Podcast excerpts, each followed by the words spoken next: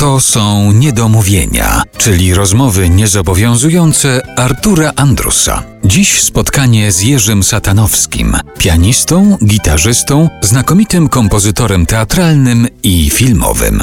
Muzyka filmowa, muzyka do spektakli teatralnych to jest w Twoim dorobku no, lista kilkuset utworów i powiedziałeś o tym, jak to powstaje. Wspomniałeś o tym, że kompozytor i człowiek od efektów specjalnych na ostatnim etapie włączają się. Natomiast jeżeli chodzi o muzykę teatralną, to zdaje się, że też tutaj bywało zupełnie odwrotnie. Twoja współpraca z Januszem Wiśniewskim polegała na tym, że.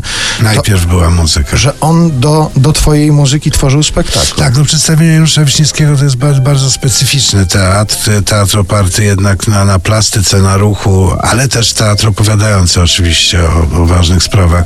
I na ogół było tak, że ilość tej muzyki, że ona stanowiła taki dosyć fundament i dla ruchu, i dla całej konstrukcji przedstawienia, więc były takie przedstawienia Janusza Wiśniewskiego, gdzie wszystko było wyliczone w taktach, a więc każdy mówiony tekst, czy każdy dialog musiał się zmieścić w jakiejś określonej odcinku muzyki i ona była, często nagrywaliśmy jakieś próby i ja pracowałem prawie tak jak w kinie, ale nagrywaliśmy już próby, które były robione do pilotów, bo niezależnie od tego, czy dawałem własną muzykę, czy on dobierał sobie jakąś, a potem mnie prosił, żeby to przekształcić w, w mój utwór, ale spełniający na przykład zadania, że to jest takie metrum, że tu jest tyle kroków, że to jest takie tempo, to właściwie nigdy się nie działo, że, że przepracował bez tego na początku. Najchętniej lubiłem sytuacje, w których yy, najpierw przyjmowałem sugestie, ale do pierwszych prób udawało mi się zrobić własne piloty.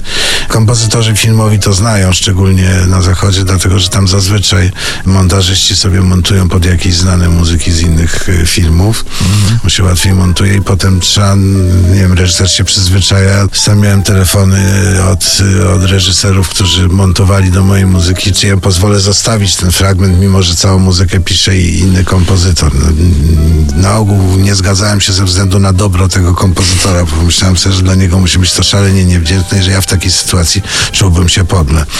Ale tak czy inaczej istnieje takie niebezpieczeństwo, że się można zakalkować na śmierć i, i właściwie nie stworzyć e, własnego utworu, tylko coś innego, więc też yy, to jest też potem problem z aktorami, no bo ta technologia jest taka, że w takim wypadku aktorzy współgrają z tą muzyką od samego początku. W kinie jest odwrotnie, oni już zagrali swoje, a teraz ja się muszę bardziej dostosować do tego, co wynika z ich roli, co wynika z atmosfery filmu. To jest już gotowe. Tego się nie da przewrócić. To można wzmocnić albo osłabić, albo nic nie można z tym zrobić, bo czasami jest tak, że jak jest film bardzo dobry, to on prawie muzyki nie potrzebuje, a jak jest bardzo zły, to muzyka jeszcze to psuje, więc y, nie ma tutaj jakiejś jednej reguły. I ja, prawdę mówiąc, wolę ten teatralny sposób, kiedy to się mieli razem, kiedy to jedno z jednego wynika drugie, kiedy w ostatniej chwili, nawet trzy godziny przed premierą, zdarzało mi się zmieniać muzykę.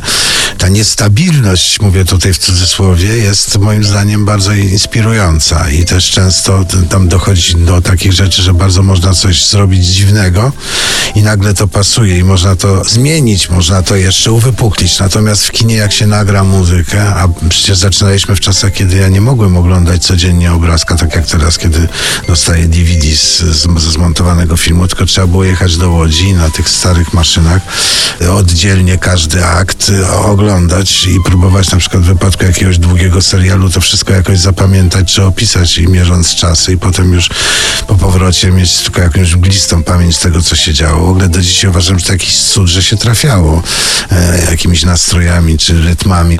No i, i wtedy, jak to tworzyliście właśnie na takiej zasadzie, zasadzie, że jechałeś do Łodzi i oglądałeś w tej sali projekcyjnej, to potem opierałeś się na czym? Na Tylko notatkach? na zapiskach, tak, tak. tak. Że miałeś napisane tu wolniej, szybciej. Tak, tutaj gdzieś 3 minuty 20 jest pogodnie, w minucie tej, tej katastrofy. to zresztą bardzo śmieszne rzeczy czasami z tego wychodziły, bo pamiętam, że w jednym wypadku było tak, że w którymś momencie, i to akurat tak na styku tych, tych opisów, orkiestra się pomyliła, wydała jakiś straszliwy jęk, potem wszyscy tak próbowali to zatuszować, to się rozjechało. I jakśmy to podłożyli w tym miejscu w filmie, to się okazało, że nic tak dobrze nie pasuje. Właśnie to. Jak to przypadkowe Jak nieszczęście. To przypadkowe nieszczęście.